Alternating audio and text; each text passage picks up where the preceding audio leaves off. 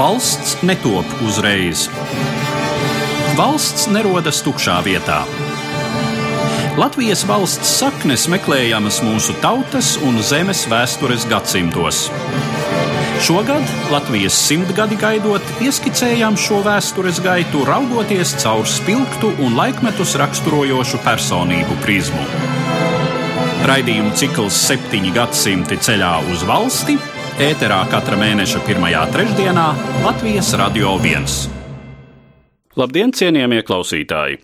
Šodien mēs tiekamies mūsu raidījuma ciklam neierastā dienā, proti mēneša otrajā trešdienā, jo šis ir papildu raidījums šogad ciklā septiņi gadsimti ceļā uz valsti, un mūsu šodienas varonis vēl viena personība, kas saista divus Latvijas vēstures laikmetus, laikmetu pirms Latvijas valstiskuma un Latvijas valstiskuma laikmetu - jurists, politiķis, viens no Latvijas valsts veidotājiem, Valdemārs Zāmoēls, un mans sarunbiedrs studijā, Valkas novada domas priekšsēdētājs un arī Valkas vēstures izpētes entuziasts Vents Armāns Krauklis.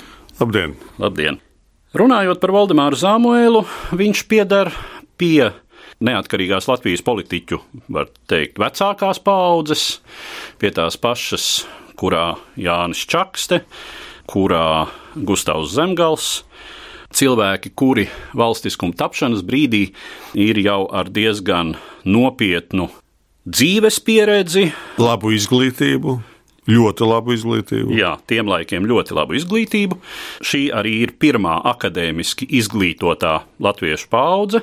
Līdz tam tie bija atsevišķi gadījumi. Tātad 1860. gada otrā pusē, 70. gados dzimušie Valdemārs Zamuēls konkrēti dzimis 1872. gadā. Dzērbenē. Jā, dzērbenē. Ar to varbūt arī sāksim. Ģimene, kas varēja viņam šo izglītību nodrošināt, un studijas tapšanas laiks. Jā, nu te jāsaka, ka bija divi brāļi Zamuēli. Vecākais brālis Otto Zamuēls un jaunākais brālis Valdemārs Zamuēls. Otto Zamuēls dzimis 1869. gadā. Un, starp citu, beidzis Maskavas universitāti, arī advokāts. Un viņš ir pirmais, kurš nonāk valkā. Tātad Otto Zāmēls valkā ārkārtīgi cienīts, aktīvs cilvēks. Un, ja nebūtu traģisks liktenis un briesmīgā baku sērga 17. gadā, viņš nomira 47 gadu vecumā. Valkā, kā viens no visievērojamākajiem pilsētas iedzīvotājiem, viņš bija Valkas viesīgās biedrības priekšsēdētājs 20 gadus, viņš bija Krājsdeva sabiedrības dibinātājs, bēgļu apgādāšanas komitejas priekšnieks, biedrs, skolu kurators. Un es varu saukt tos amatus vēl un vēl. Viņi cienīja gan latviešu, gan igauņu. Faktiski viņa ietekmē Valdemārs Zāmēls nonāk Valkā un arī sāk savu advokāta praksi.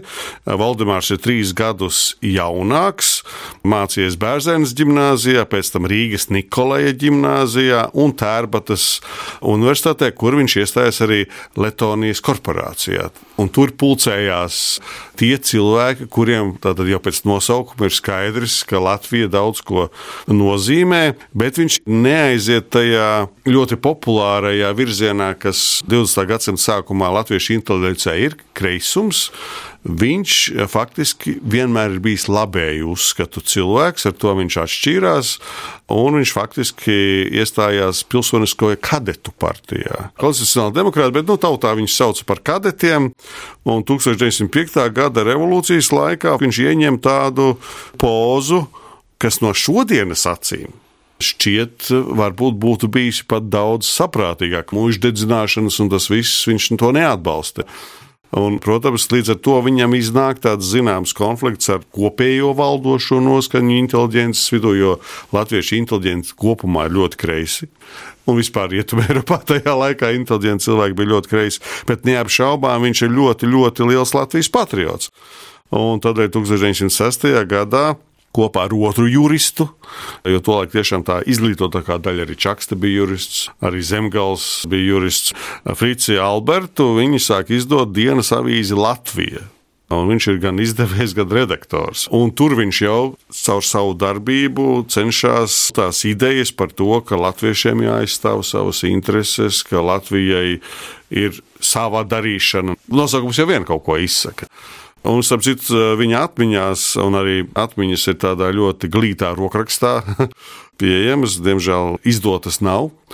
Vismaz es neesmu atradis. Tur viņš arī apraksta to Latvijas laiku, kā viņi tur tērbatā. Tas ir 92. gads, kā viņi ir diskutējuši par latviešu lietām un tā tālāk. Tā kā, protams, izglītībai bija ļoti liela nozīme. Mēs jau tikām līdz laikam pēc 1905. gada, tātad darbošanās tobrīd tajās politisko iespēju robežās, kādas piešķir ļoti ierobežotā, bet tomēr tāda rudimentārā Krievijas impērijas demokrātija, kā mēs jau minējām, tā tad liberāli centriskā spēkā kadetu partijā. Un eh, Pirmais pasaules karš, protams, kā atkal ļoti daudziem latviešiem, liek aktivizēties, liek iesaistīties sabiedriskā darbībā. Jā, neapšaubām, un Valdemārs Zāmels iesaistās Latviešu celtnieku bataliju organizācijas komitejā. Tur viņš strādā kopā ar Krievijas valsts domas domniekiem Goldmani un Zālīti. Viņu kopdarbība un uzskatu kopība turpinās arī pēc tam, kad mēs nonāksim līdz 17. gadam. Un skaidrs, ka tas bija tāds arī sajūsmas laiks, tas pirmais gads, kad nu likās beidzot latviešiem ir tā iespēja Un neapšaubāmi sākotnēji latviešu strēlnieki bija ļoti nacionāli arī noskaņoti, un, un tā zemstrāva jau bija. Šis ir tas veids, kā mēs varēsim pēc tam nonākt pie savas, varbūt ne gluži valsts uzreiz, bet pie lielākas patstāvības, pie lielākas noteikšanas savā zemē. Jo neapšaubāmi No šodienas acīm daudz cilvēku to nemaz nezina, bet, protams, toreiz galvenais bija jautājums vācieši vai latvieši. Tas krievu stāsts bija ļoti nosacīts, teiksim tā. Un uh, Valdemārs Zāmuēls neapšaubāmi bija noskaņots par to, ka no vāciešiem šī vara ir jāņem, ka latviešiem pašiem ir jānosaka, un pēc tam arī pie 18. un 19. gada nonākot, tas bija viens no iemesliem, kādēļ faktiski Zāmuēls tika nedaudz atstumts malā, jo viņš vienmēr bija pret kaut kādām lietām, kas ir kopā saistīts ar Vāciju un vāciešiem. Tātad 1917. gads ar visiem tiem dramatiskiem notikumiem, Krievijas februāra revolūcija, Latvijas gan sabiedrības, gan politiskā spektra diezgan krasa nosvēršanās pa kreisi, vēl vairāk pa kreisi. Sociāldemokrātija radikalizējas atšķirībā no Krievijas sociāldemokrātijas, kur jau sen ir sašķēlusies radikālajos bolševikos un mērenākajos menševikos. Latvijas sociāldemokrātija vienkārši tajā brīdī visas veras uz bolševismu pusi, īsti nesašķeļoties. Un, protams, tādam nepārprotami centriski, pilsoniski, kā toreiz teica, orientētam cilvēkam, kā Valdemārs Zāmoēls, nu tā izvēle ir nepārprotama. 17. gada otrā pusē un visā tajā valkas situācijā tā ir opozīcija pie varas esošajiem, pie varas esošajiem radikālajiem latviešu sociāldemokrātiem, kuriem kopš rudens jau ir reālā vara neokupētajā Latvijas daļā. Viņš gan mēģina ar saviem dombiedriem panākt to, ka Vidzemes zemes padomu, kur vairākums ir kreisajiem, tomēr virzītos Latvijas neatkarības virzienā. Un viņi pat vairākas tādas sarunu raudus veido vēl pirms Latvijas Nacionālās padomjas sasaukšanas.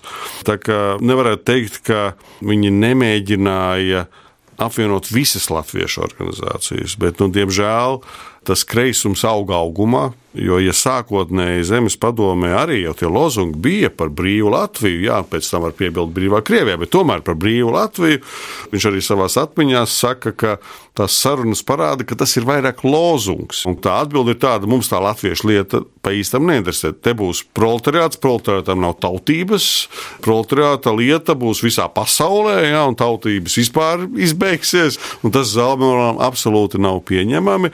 Bet bet saprotot to, ka tāds īsts svars būtu tad, ja piedalās arī sociāldemokrāti, protams, sociāldemokrāti tiek aicināti uz Latvijas Nacionālo padomu, un viņi arī piedalās, bet eh, viņi piedalās kā novērotāji. Un eh, interesanti ir tas, ka viņš arī savā atmiņā apraksta to sajūtu dienu pirms tās Latvijas pagaidu Nacionālās padomas sasaukšanas, jo tāds pozitīvs nemieris, kad briest kaut kas nozīmīgs. Jo viņa advokāta birojas no Valkas pilsētas domes ēkas atradās pārdesmit metru. Ja? Tad viņš vispirms aiziet uz savu advokātu biroju, un tad viņš iet jau satiek cilvēks, kur vairumā bija atbraukuši no Pēterburgas, no Latgales, no citām vietām. Un nebija jau arī tā, ka tur bija uzreiz kaut kāds viennozīmīgs viedoklis par to, ko tad īsti darīt. Un uh, Valdemārs Zāmēls ir viens no tiem, kas saka, nu mums ir vienalga, ja mēs pat nevaram vienoties par to, ka mēs esam varbūt pirmie Latvijas pārstāvji. Vēlāk gan viņi par to vienojās, bet nu, mums šajā Latviešu Nacionālajā padomē jākļūst vismaz par tehnisku organizāciju, tehnisku orgānu, kas norganizēs satversmes sapulces vēlēšanas. Atkal viņa kā jurista skats, ka jābūt tiesiskam ceļam, ka jābūt ceļam, ko pēc tam nevar apšaubīt. Par šo situāciju runājot, ir tā, ka vēlreiz atgriežoties pie laika līdz Latviešu pagaidu Nacionālās padomas nodibināšanai 1917. gada decembra sākumā pēc jaunā stila, tad kamēr Krievijā Petrogradā pie varas ir pagaidu valdība ar Menševiku Kerenski priekšgalā, tikmēr latviešu šie radikālie sociāldemokrāti, būtībā jau tobrīd bolševiki, lielinieki vairāk vai mazāk ir gatavi vismaz sarunāties. Jā, bet viena interesanta epizode, ko mēs palaidām garām. Zāmols ir viens no tiem latviešiem, kas latviešu delegācijas sastāvā tiekās arī ar Kerenski. Viņi brauc uz Pēterburgu un tieši runāt par Latvijas autonomiju. Tajā brīdī, protams, nekas cits vispār nav iespējams, ja tu runā ar jauno, tomēr bijušās Krievijas impērijas valdības vadītāju. Kerenskis nav teicis nē, bet viņš nav teicis arī jā. Viņš ir bijis ļoti izvairīgs, un viņi sapratuši, ka tur nekas nesanāks. Un tas bija varbūt tas izšķirošais, kāpēc viņi saprata, jārīkojas pašiem. Un tajā brīdī, kad eh, bolševiki nāk pie varas Krievijā, bet, nu, jāsaka, tūlīt pēc tam, kad bolševiku vara arī vēl nav īpaši konsolidējusies Krievijā, tad notiek šī Latvijas vēsturē izšķirošā valkas sesija, tiek nodibināta Latviešu pagaidu Nacionālā padome un pieņemta pirmā deklarācija, kurā jau ir skaidri definētas latviešu tautas pašnoteikšanās tiesības, Latvijas teritoriālais satvers, tātad nepārprotami visa etniskā Latvijas teritorija, latgali ieskaitot, tas ir ļoti svarīgi, latgali ieskaitot, Un, protams, iezīmēts arī tas, ka turpmāk šeit viss tiks veikts demokrātiskā ceļā. Jā, tā tad to... iezīmēta arī satversmes sapulces. Tieši tā, un ka plebiscīts noteiks to, kas tad īsti Latvija būs un kādu ceļu tā ies. Un tas ir lielā mērā Valdemāra Zāmoela nopelns, jo šai valka sesijā, protams, ir viedokļu dažādība un ir klāt šie radikāli kreiso pārstāvji, kuri kritizē, kuri ir lielā mērā destruktīvi, kuri uzstāja, ka šī nav pietiekami autoritatīva pārstāvniecība, un galu galā pasaka, ka vara ir viņiem. Un... Reālā vara viņiem arī to brīdi ir, protams, jo aiz viņiem stāv strēlnieku durkļi. Bet tiešām Valdemars Zāmols ir tas, kurš referē par satversmes sapulci. Ne par velti viņu arī pēc tam ievēl gan par satversmes sapulces sasaukšanas organizācijas komitejas vadītāju, gan pašas satversmes izstrādes grupas vadītāju. Bet arī interesanti ir tas, kā viņš nonāk par Latviešu Nacionālās padomes valdes priekšsēdētāju. Nav jau tā, ka viņš ir pirmais kandidāts. Pirmais kandidāts ir tomēr visu cienītais Jānis Čakste. Un Jānis Čakste saka, ka jā, viņš ļoti aktīvi piedalās, un viņš tiešām ir viens no redzamākajiem un nozīmīgākajiem Latvijas Nacionālās padomjas dalībniekiem, bet ka viņš ir eh, ļoti, ļoti aizņemts citās lietās, un ka viņš savā kandidātā atsauc. Tad izvirza šos valsts domniekus Goldmanu zālīti, jo viņi visus zina, viņi arī bijuši gan redzami organizatori, gan pirms tam strēlnieku pulks un tā tālāk. Viņiem ir arī sava autoritāte strēlnieku pulkos, bet tur atkal interesanti, ka viņi ir norunājuši savā starpā, ka viņi viens ar otru nekandidēs. Līdz ar to viņi atsauc savus kandidatūras vispār. Un tad vēl ir bēgļu apgādīšanas centrālās komitejas priekšsēdētājs Bergs, un tad tiek izvirzīts Valdemārs Zāmuēls. Un, starp citu, interesanti ir tas, ka tieši šīs piektā gada nostājas dēļ ir diezgan daudzi Nacionālās padomjas locekļi, kas uzstājās sākotnēji pret ka tomēr vajadzētu tādu, kas ir vairāk tajā tautas kopējā, angļuiski tas sauc par mainstream vai vadošo straubi vai vadošo virzienu. Izšķiroši ir tas, ka Goldmanis ļoti aizstāv Zāmuelu un izskaidro gan viņa spējas, juridiskās zināšanas, spējas rast kompromisus un te pašā laikā nepazaudēt galveno virzienu, un ka arī viņa nopelna tieši šo latviešu strēlnieku bataljonu organizēšanā. Un tas tad ir izšķirošs faktors, kāpēc beigās Valdemārs Zāmelu ievēl par valdes priekšsēdētāju, un viņš pilnībā attaisno liktās cerības, jo gan eh, pēc tam, kad sākās bolševiku represijas, gan pēc tam, kad eh, vācu okupācija, viņš konsekventi dara to darbu, ko no viņa sagaida, izveido tiešām ļoti lielu struktūru viņa vadībā visā Krievijā, un uh, viņš arī nekad nenobīstās, arī tad, kad viņu arestē kā ķīlnieku. Nu, tur vesela Holivudas vērta filma sanāk. Jā. Tā bolševiku vāra nesāk represijas tūdaļ, bet pamazām tā cilpa savelkas līdz tiešām 1918. gada februārī,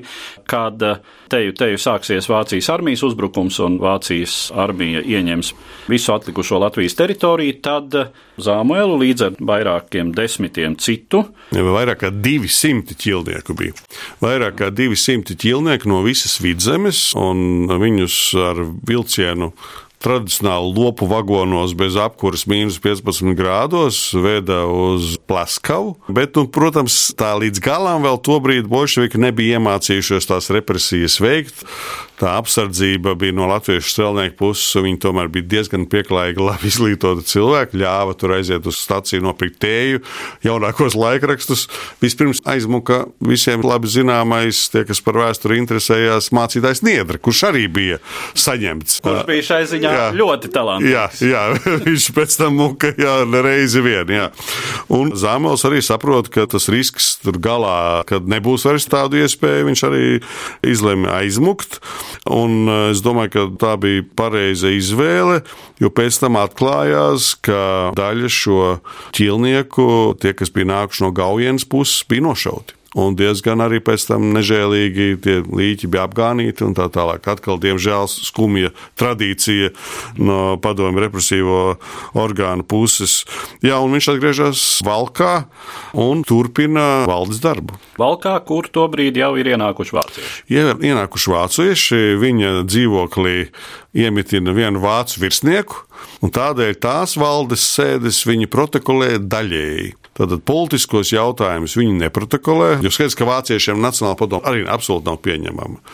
Lai nevarētu viņiem pārmest, viņi protokolē jautājumus, kas skar arī ļoti nozīmīgas lietas par kultūru, par to, kāda būs nacionālā opera Latvijā. Tobrīd jau ir nodibināts Latviešu pagaidu nacionālais teātris. Viņi atbalsta, kā šīs izrādes visur, kur rādīt. Ir cenzūra vācu. Vācu cenzūra skatās arī laikrakstu līdumus, bet līdums turpina iznākt, tad viņi mēģina tur tā līdzsvarot, lai nu galīgi viņu to darbību neaptur. Un interesanti, ka sākotnēji vācieši viņu ieceļ arī par Valkas pilsētas domes tādu tā kā vicemēru šodienas izpratnē. Vienu igauni, vienu vācieti un vienu latvietu, un tas ir Zāmbēls. Bet tad viņi saprot, ka tā viņa noskaņa pret Vāciju nav pārāk laba, viņu atceļ un pēc tam aizliedz arī viņa advokāta praksi. Un tas ir vienīgais gadījums uh, vispār Latvijas okupētajā teritorijā no Vācijas karaspēka puses, ka kādam advokātam aizliedz nodarboties arī ar profesionālu darbību. Un vienalga tās valdes sēdes tiek sasaukts. Vēl ir viena interesanta epizode, ka viņš pa starpu tomēr paspēja kā pilsētas domas pārstāvis satikties ar Vācijas ķeizara dēlu, princi, kurš ir ieradies inspicēt Vācu armijas karaspēku.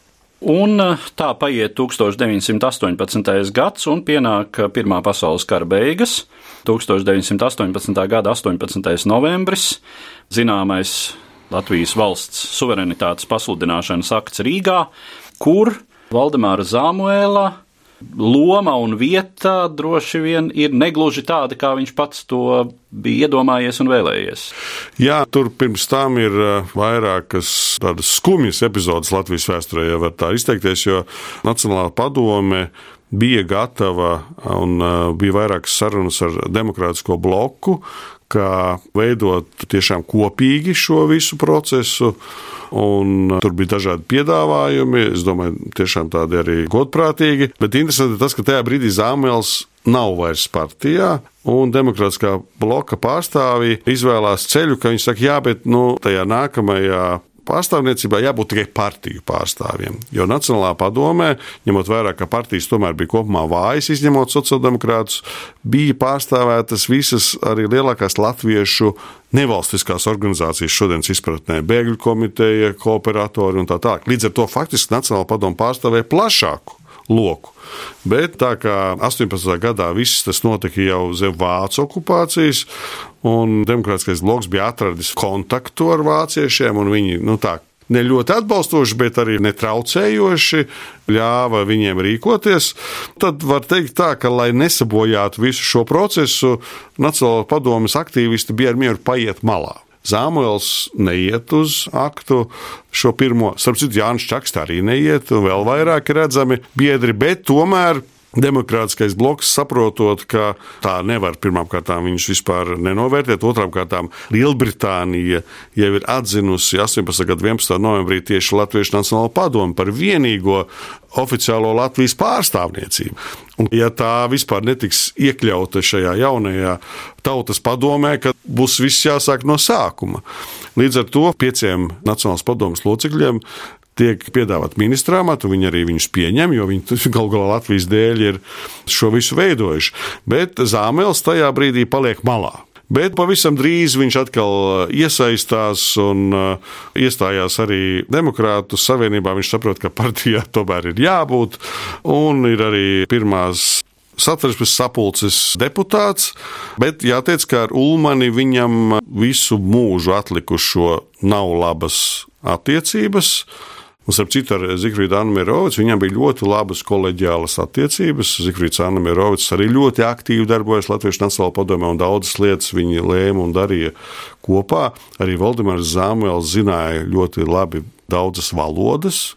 Ja tā godīgi mēs paskatāmies arī Mērovics, bija tik spožs, arī viņam jau nemaz nebija tik labas attiecības ar savu partijas biedru Kārlu Ulmani. Un es negribu apšaubīt Kārla Ulmaņa nopelnus Latvijas valsts dibināšanā un pēc tam arī saimnieciskajā jomā neapšaubāmi. Ne par velti arī valkā viņam arī ir piemineklis, ja mēs to visu novērtējam, bet Ulmaņa Viena no tādām nepārāk labām īpašībām bija tā, ka viņš blakus īsti spilgtas personības redzēt negribēja. Jo viņš pats bija spilgta personība, viņam gribējās būt tam galvenajam vienmēr. Un tas pēc tam Latvijai nereiz vien atspēlējās. Un Valdemārs Zāmels, es domāju, daudzās jomās arī pamatoti kritizē Kārlu Ulmani. Un līdz ar to tāda aktīvā politiskā darbība viņam ir vēl kādus gadus.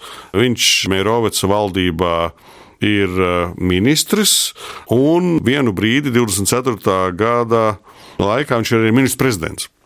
Tā ir Jā. Zāmuela valdība. Jā lielāko 1924. Mm, jā, gada daļu un pirmā neatkarīgās Latvijas valdība, kurā nepiedalās Latviešu zemnieku savienība. Jā, jā, nu tas ir simptomātiski, jā. Bet eh, jāpaliek atpakaļ, lai cilvēki arī saprastu, cik tomēr viņš bija liela mēroga personība, jo viņš 1919. gadā kļūst par Latvijas senāta pirmo virsprokuroru arī ļoti nozīmīga vieta tieslietu vēsturē un viņš ir pēc tam arī senators.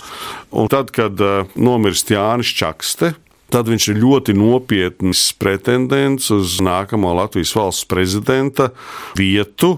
Un, ja viņam būtu bijis kaut nedaudz zemnieku atbalsts, viņš būtu arī kļuvis, jo viņam pietrūka trīs balsu, lai viņš būtu otrais Latvijas valsts prezidents, ko viņš būtu arī noteikti pelnījis. Un tad viņš attiek atpakaļ no politiskās darbības aktīvās un pievēršas jurisprudencei, un atkal ir advokāts, bet visu laiku seko līdzi notikumiem Latvijā. Un viņš ir atkal viens no tiem, kas nenobīstās 44. gadā parakstīt Latvijas centrālās padomus memorandu. Tā kā Valdemārs Zāmuels ir tas cilvēks, ko noteikti katram latvietim vajadzētu zināt, pieminēt. Viņš to absolūti ir pelnījis ar visu savu mūžu. Jā, diemžēl arī mūža noslēgums, tāpat kā daudziem, tāpat kā Kārlim Skalbem, noslēdzās jau trimdā. Viņš saprot, ka pie padomu varas otrreizējās viņam nepaglāpties, un e, viņš mirst 48. gadā. Rēvensburgā, Vācijā. Līdz ar to arī var būt tas, ka Latvijā viņam nav īsti arī kur pieminēt, kā Čakstam vai kādam citam, ir viens no iemesliem, kādēļ ļoti liela sabiedrības daļa vispār par tādu Valdemāru Zāmolu nav dzirdējuši. Bet vēlreiz atgriežoties tajā pašā 1924. gadā, patiešām viņa autoritāte ir nenoliedzama, jo šī viņa valdība tiek piesaukta kā arī visilglaicīgākā pirmās saimas laikā. Pie tam Valdemārs Zamuēls tobrīd ir bezparteisks. Jā, jā, jā. Neatkarīgs kandidāts viņa valdībā, te jau pusi ministri ir bezparteiski, pārējie piedar pie nelielām partijām. Tur nav tātad ne latviešu politikas smagsvara Latviešu zemnieku savienības, ne pretējās puses lielās partijas eh, sociāldemokrāta, lai gan sociāldemokrāta atbalsts saimā laikam šai valdībai nu, bija. bija, bija, bija. Jā. Un jāteic, ka Valdemārs Zāmēls bija tas, kurš ļoti vērsās asi pret korupciju. Jo neapšaubāmi arī pirmās brīvvalsts laikā tā bija izteikta kaite, varbūt dažreiz pat nekaunīgāka nekā šodien. Un diezgan asi arī norādīja, kuri tad ir vainīgi. Tas bija viens no iemesliem, kādēļ beig beigās, tad, kad viņam vairs nebija vairākuma, viņš pats atkāpās. Jo arī daži biedri jutās aizskarti un pateica, mūsu atbalsta vairs tavai valdībai nav. Ko vēl mēs varam būtisku piebilst par Valdemāru Zāmēlu? Mēs, tad, kad veidojām šo Latvijas Nacionālās padomus simtsgades lielo pasākumu plānu, es ļoti vēlējos, ka tajā piedalītos kāds arī Valdemārs Zāmela pēctecis, jo beidzot mēs arī Valdemāru Zāmelu paceļam tā tālēni izsakoties saulītē. Nācās secināt, ka Diemžēl Latvijā viņam pēcteči nav palikuši, kaut viņš bija precējies, viņam bija bērni, bet uh, ir Amerikā. Diemžēl vairs nerunā latviešu. Man ir pierakstīta tā līnija, kā tas viss veidojās. Mēs esam sūtījuši ziņu, bet savulaik Tieslietu ministrija ir saņēmusi no Amerikas arī vairākus materiālus, oriģinālus, ko ir viņa pēcteči saglabājuši. Tā kā es ceru, ka tomēr kaut kad viņa pēctecis vai pēcteči no Amerikas atbrauks uz Latviju ciemos un apstīsies arī jauno pieminiektu valkā, kas ir veltīts Latviešu pagaidu Nacionālajai padomē, un kur beidzot ir arī iegravēts Valdemāra Zāmēla vārds. Un var pieminēt, ka jau samērā drīz, tas ir 2022. gadā, mēs atzīmēsim Valdemāra Zāmoela 150 gadu jubileju. Un droši vien tas arī būtu īstais brīdis, kad domāt par kādu monogrāfiju, par šo atmiņu izdošanu. Neapšaubāmi tas ir balts plankums Latvijas arī historiografijā, un Valdemārs Zāmels noteikti ir pelnījis grāmatu. Es ļoti vēlētos, lai tā grāmata ir tāda, kas ir arī plašam lasītāju lokam, ne tikai ļoti šauram vēsturnieku lokam, jo neapšaubāmi viņš bija līdzīga mēroga personība kā, piemēram, Zikrīts Annamirovics. Ar to mēs arī noslēdzam mūsu šodienas sarunu, kas bija veltīta prominentam Latvijas pirmās brīvvalsts laika politiķim, juristam, vienam no Latvijas valstiskuma veidotājiem, Valdemāram Zāmoelam. Un es saku paldies manam sarunbiedram, Valkas novada domas priekšsēdētājam Ventam Armandam Krauklim. Paldies, un vēlreiz gribu teikt visiem radioklausītājiem, atcerieties, Valdemārs Zāmoels, viens no Latvijas pamatu licējiem. Šī bija pēdējā saruna raidījumu ciklā Septiņi gadsimti ceļā uz valsti, kas tappa Latvijas simtgades programmas ietvaros.